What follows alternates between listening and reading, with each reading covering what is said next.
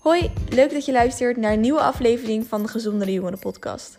In deze aflevering ben ik met Brian van Leeuwen, waar we het hebben over verslaving. Wat is het eigenlijk? Wat zit eronder en wat kun je eraan doen? En dit vertelt Brian van zijn eigen ervaring en levensverhaal. Veel luisterplezier!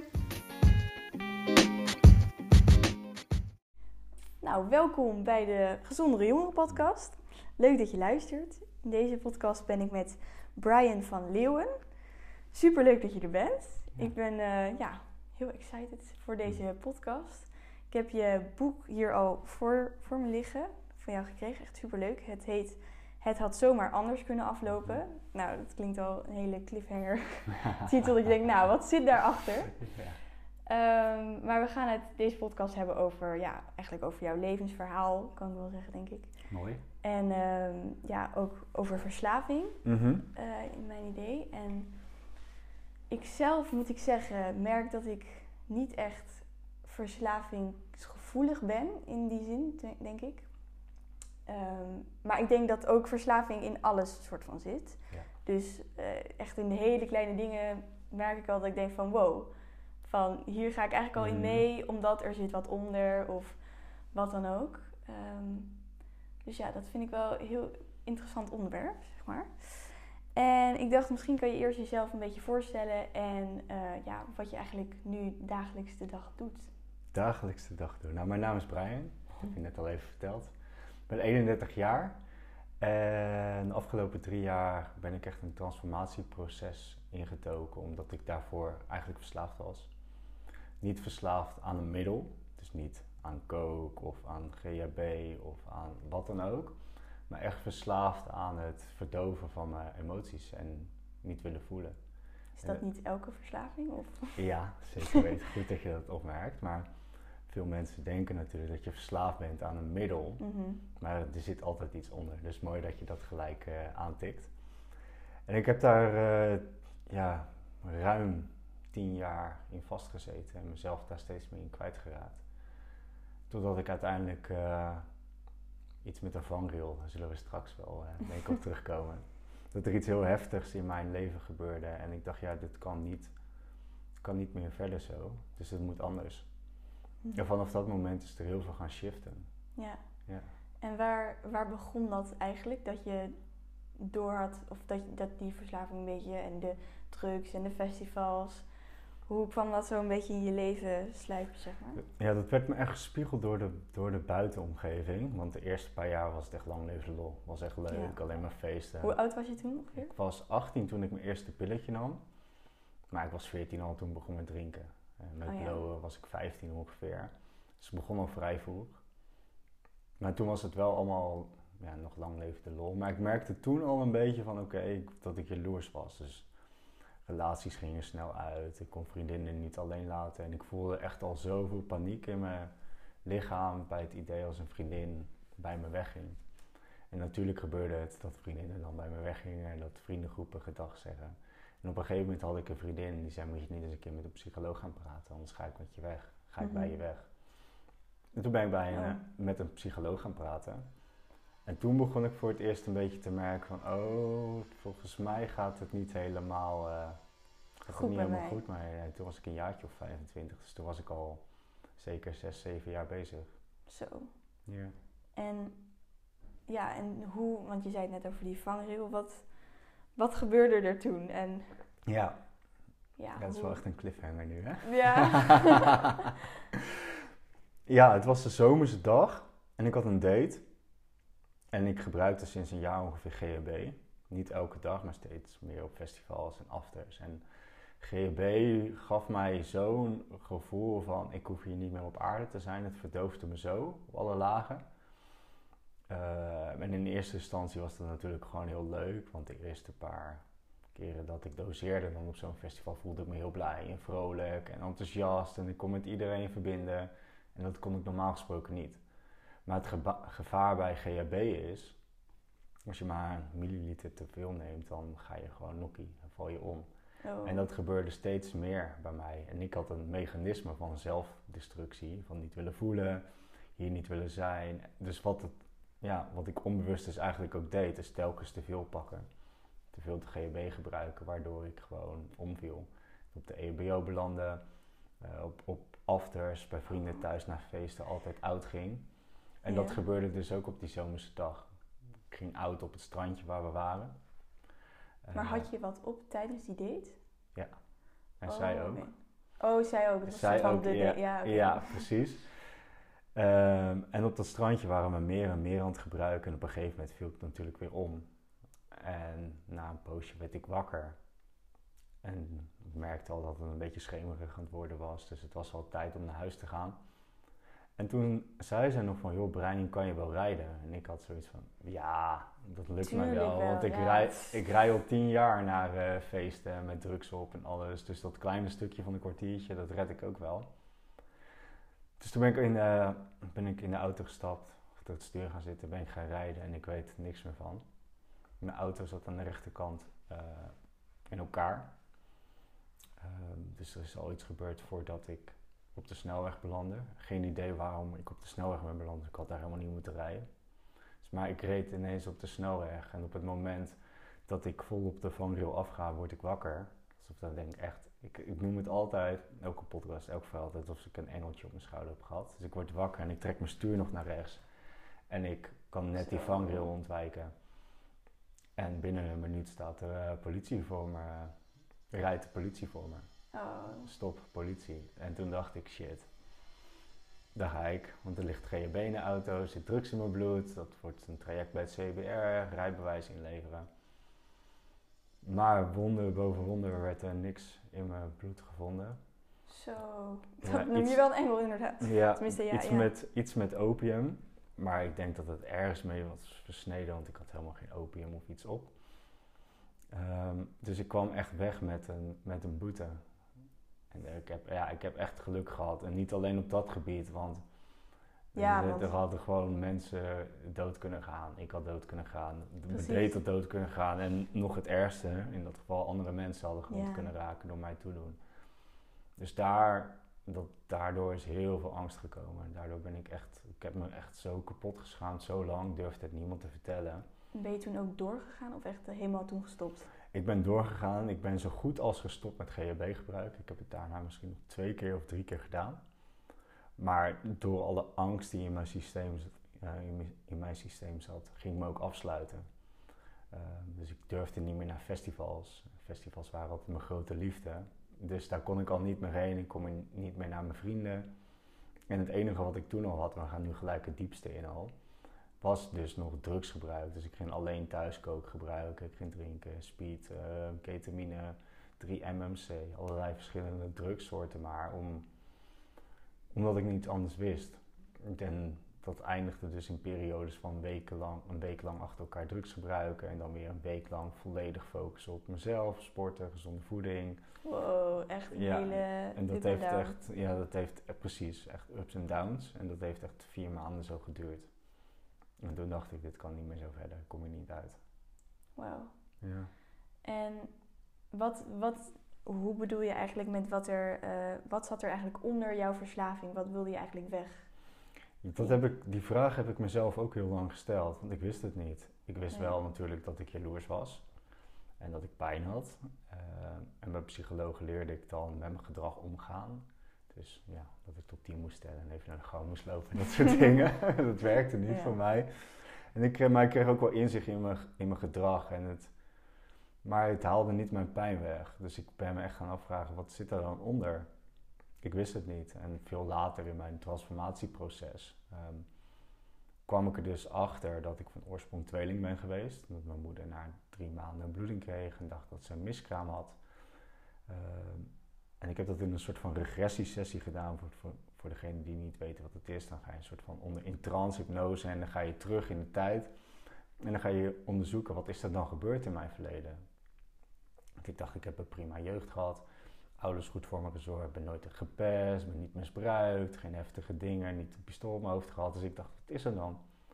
En toen kwam ik in zo'n sessie in de baarmoeder uit. En voelde ik dus, herbeleefde ik helemaal het verlies van mijn tweelingbroer. En wat dat voor gemis bij mij omhoog bracht. Voor boosheid, verdriet, eenzaamheid. En ook de twijfel bij mama van, joh, leeft mijn zoon nog wel? wat ook zorgde voor een overtuiging Ja. in mijn systeem van leef ik wel. En toen had ik het door en toen dacht ik, oh ja, ik mis zo mijn tweelingbroer. En ik heb zo die pijn nooit kunnen verwerken. Dus wat ben ik gaan doen? Ik ben het gaan verdoven en ik ben het in relaties gaan zoeken. Dus als ik een relatie had met wat dan ook, met vrienden, vriendinnen of een middel, dan voelde ik me een soort weer van één. Even weer een tweeling, ja. Ja, maar er was altijd dus die angst van om diegene weer kwijt te raken.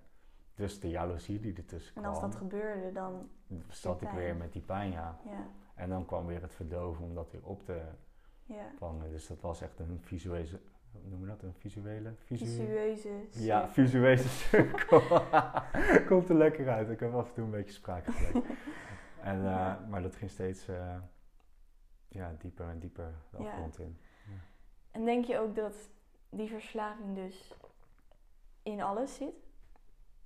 Hoe Of, bedoel je in alles? nou ja, dat het ook bijvoorbeeld zit in, in eten of Ja, in sport ja, of in relaties en gewoon in de simpelste dingen, zeg maar. Ja, zeker. Kijk, loop maar eens de supermarkt in of een tankstation en kijk maar eens wat voor eten je daar ziet. En Ja, Ik weet niet wat ze tegenwoordig weer aan aan het doen zijn met insecten in het eten. Ik weet er het fijne niet van, maar ik weet wel dat het heel erg bewerkt wordt en dat het zo een rotzooi is. En het feit al dat je in het coronatijdperk eh niet bepaalde gezonde voeding kon kopen, maar wel ehm, nog steeds alcohol en Ja. sigaretten en naar de McDonald's kon en niet gezond kon eten in een, een vegan restaurant of zoiets. ja, Ja, dat zegt voor mij wel genoeg. ja. Het is bizar. En hoe zou je erachter kunnen komen wat daar dan eigenlijk onder zit? Goede vraag. Ik denk dat de eerste stap daarin is herkennen dat je ergens een probleem hebt. Want als Ja. je het niet ziet, dan gaat het ook niet komen. Ik had het ook heel lang niet door en ik probeerde het voor mezelf allemaal borden voor mijn hoofd te houden en muren neer te zetten om maar niet te zien wat er zat. Maar bij mij op een gegeven moment werd gewoon de deur ingetrapt en was het gewoon heel brein, ga maar kijken wat er zit. Het is tijd. Eh, maar als je wel herkent van joh, ik loop hier tegenaan of ik loop daar tegenaan, dan zou je dus gewoon eens kunnen kijken van oké, waar komt het dan vandaan? Ehm, wat voor dingen zijn er gebeurd in mijn jeugd? In wat voor vriendengroepen ga ik om? Hoe ga ik met mezelf om? Ehm, wat doe ik op het moment? Eigenlijk gewoon jezelf een beetje analyseren. Wat, ja, wat precies, zelfreflectie. Ja. verricht. Ja. Dat, dat is voor mij ook altijd nog steeds een van de belangrijkste stappen die ik altijd als eerste zet. Van oké, wat gebeurt er nou eigenlijk met me? ja. En wat gebeurt er in mijn lichaam? Hoe voelt mijn lichaam? En hoe ga ik dan, dan vervolgens mee om? ja. Krijg ik, ga ik eten? Ga ik op social media zitten? Ga ik door mijn tijdlijn zitten scrollen? Of krijg ik trek in alcohol? Of ja, weet je, het, is, zijn allemaal verschillende mechanismen om maar blijkbaar... Allemaal heel natuurlijk ook. Ja. Ik merkte bijvoorbeeld net voor deze podcast, toen was ik een beetje zo gestrest. Nou, en toen ging ik wat nootjes pakken. Gewoon om even ja, precies. te dat. kauwen en het eruit te stressen of zo.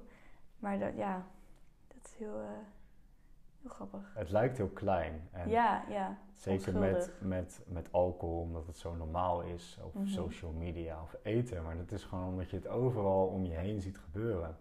En het wordt eigenlijk pas een probleem als andere mensen last van je gaan hebben. En met drugs is dat eigenlijk al heel snel. Want als je verslaafd wordt, dan Ja. word je al een probleem voor de maatschappij. En dan Mhm. wordt er een label opgeplakt. Maar social media en eten, ja, ik denk dat heel- daar nog veel meer verslavingen Ja. in zitten, wat we gewoon niet zien. Vooral omdat het inderdaad heel normaal is wat je zegt. En zie jij er ook oplossingen in, in de wereld? Hoe dat anders zou kunnen doen? Of wat je in ieder geval zelf al zou kunnen doen? Hoe iemand dat zou kunnen veranderen? Ja, ik denk dat het belangrijk is dat, dat er bewustzijn op gebracht wordt. Dat Ja. mensen weten van oké, dit is er. Dat er een soort van licht op wordt geschijnd van joh, dit is wat er aan de hand is. Ehm, en dat kan gewoon door, denk ik ook wat verhalen die, nou, die ook in mijn boek onder andere staan. Of andere inspirators die zeggen joh, weet je, dit is wat er gebeurt met verslaving. En dan wordt het zichtbaar. Ik Ja. denk dat zichtbaarheid daar de eerste stap in is. Ja. En heb jij ook, tenminste, ik kan me voorstellen dat vrienden van jou ook eh, jou een beetje wegzagen, zeg ik het goed? Zagen vallen, Ja. Eh weg zien- zagen glijden, zeg ik? Ja, ik snap het ook niet. Eh, wat, wat, wat raad je aan als ben je... ik niet meer de enige met spraak uh, vandaag. Ja, precies. Eh, wat, wat zou jij doen als je iemand, ja, wat, als je dat bij iemand ziet Ja. gebeuren, zeg maar? Ja, Ehm, ik ben verschillende vriendengroepen kwijtgeraakt. En bij de keren dat ik drugs gebruikt heb, op een gegeven moment mijn vrienden gewoon gezegd: Brian, je gaat te ver, we willen niet meer met je omgaan.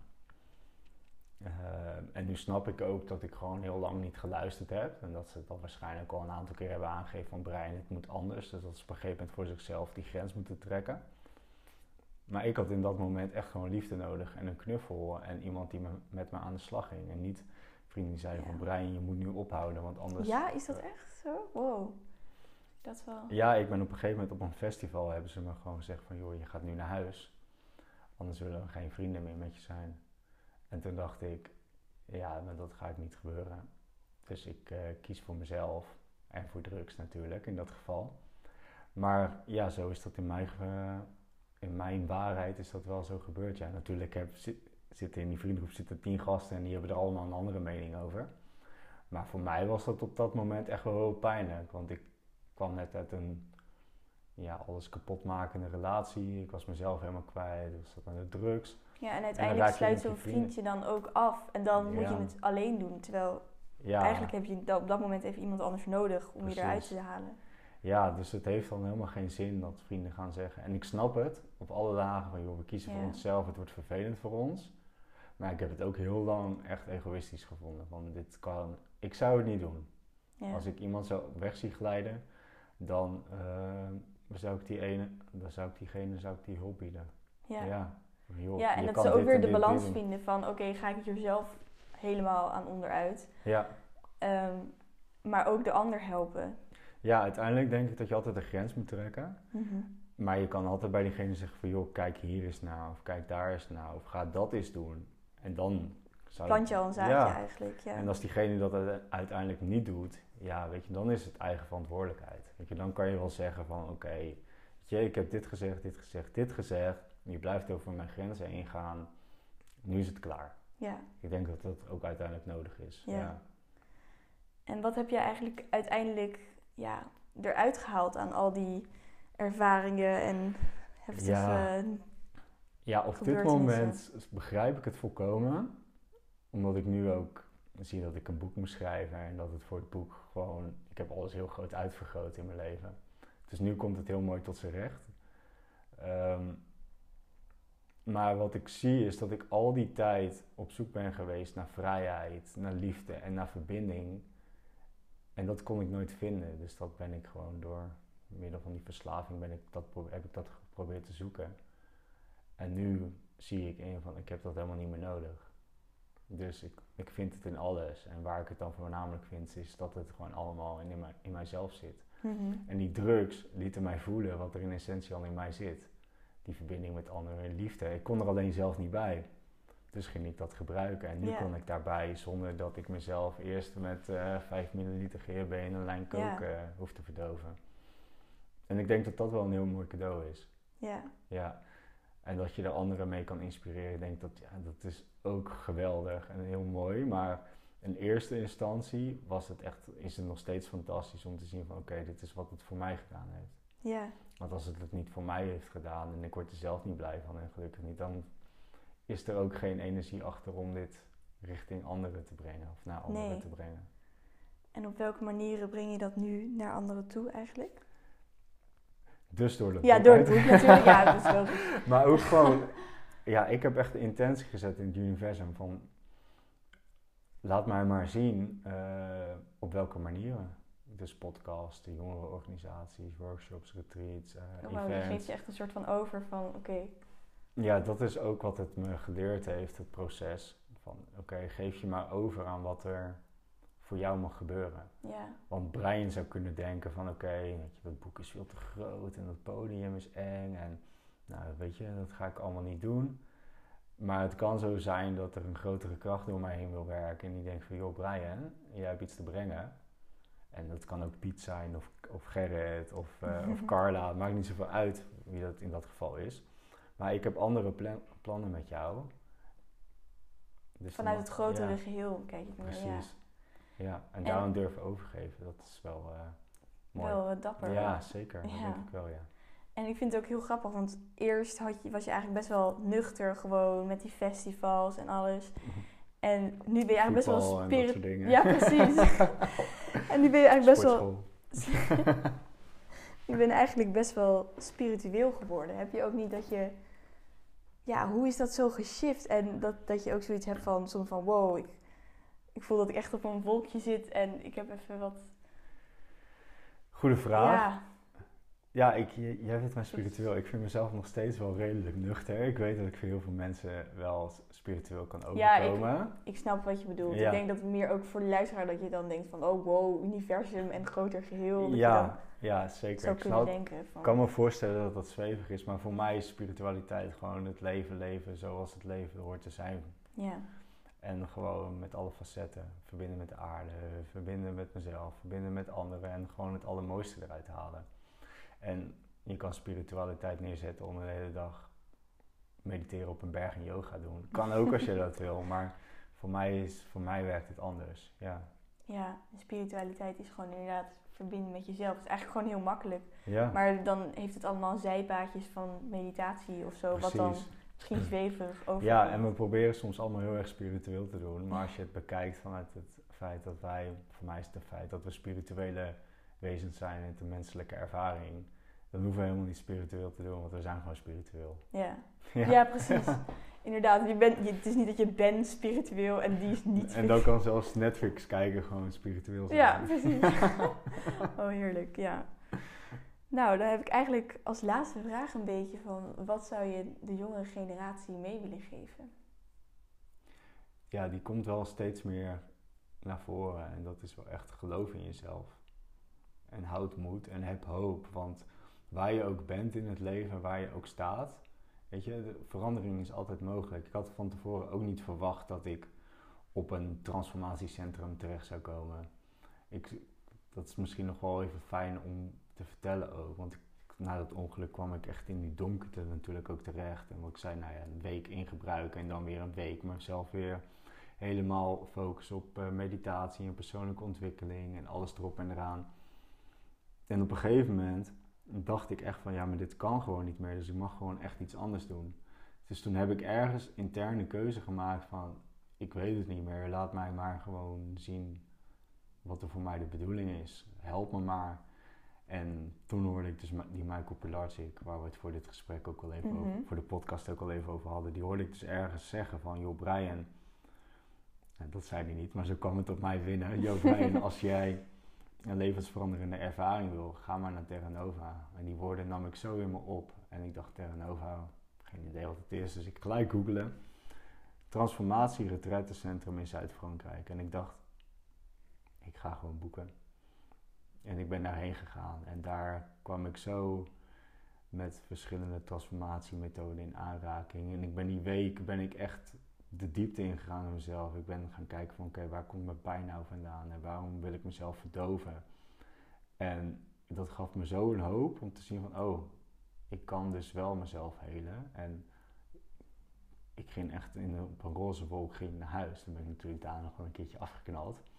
Maar dat, dat moment kreeg ik zoveel hoop van, oh ja, het leven is niet alleen maar pijn en verdriet en lijden en verslaving, maar er is ook een hele andere kant. En er is een hele spirituele wereld die voor me open gaat. En dit is wel een beetje wat ik altijd heb gemist. Dus dat was voor mij zo thuiskomen. En ja, zo thuiskomen dat ik dacht van ja, ik heb hier gewoon iets in te doen. En ja, nu zijn we drie jaar verder en ligt er een boek op tafel. dus dat is wel... eh, Tja, en dat had ik van tevoren had ik dat niet, eh, nee. had ik dat niet bedacht, nee. Dus eigenlijk gewoon je overgeven aan wat het leven ja, Ja, je te bieden heeft. Of wat er op je pad komt. zeker. Ja. Het klinkt natuurlijk heel makkelijk Heel als je het mo- zo ja, zegt. Ja, maar er gaat een heel proces aan vooraf. Maar ik zeg dat ook altijd. Het enige wat je soms hoeft te doen is gewoon een eerste stap zetten. Al, Ja, want uiteindelijk heb je wel iets gedaan om naar dat transformatiecentrum te gaan. Dus zit Ja. inderdaad ook wel echt een stukje bij. zeker. Want het begon al dat eigenlijk zo'n ex-vriendin tegen mij zei van... Brian, moet je niet eens met een psycholoog gaan praten? En dat ik daar een bepaalde interesse werkte van... oh, hoe zit ik dan eigenlijk in elkaar en wat gebeurt er in mij? En dan kom je met eh, boeken als The Secret en van de wet van aantrekking... en alles kom je in aanraking. Nou, dan zie je Michael Pilarczyk ergens voorbij komen... Dus er zit dan wel een bepaalde interesse. En al lang zijn er allemaal zaadjes geplant in Ja. het begin die je dan op dat moment nog niet ziet. Maar je neemt dan ergens wel de keuze van oké, ik ga naar een psycholoog. Oké, Ja. ik ga mezelf werken. Oké, ik ga een keer proberen te sporten. Ik ga een week gezond eten. Oké, ik ga elke dag drie pagina's uit een boek lezen. En dat zijn allemaal hele kleine dingen. Maar als je het in één keer doet, dan is het al van, ja, oké, de volgende keer gaat het weer makkelijker. En dan weer makkelijker. En de Ja. volgende keer lees je misschien tien pagina's per keer in plaats van drie. Dus het zijn allemaal kleine stapjes die je kan zetten, die uiteindelijk leiden tot een hele grote verandering. Ja. Nou, super mooi. Nou, dan ga ik hem denk ik bij deze afsluiten. Nou, mooi. En eh dank, dank je wel voor het luisteren en ik hoop dat je er wat aan hebt. En Ja. dank je wel, Brian. Graag gedaan.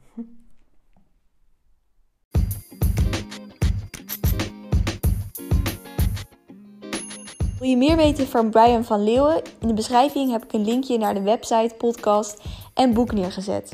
Tot de volgende!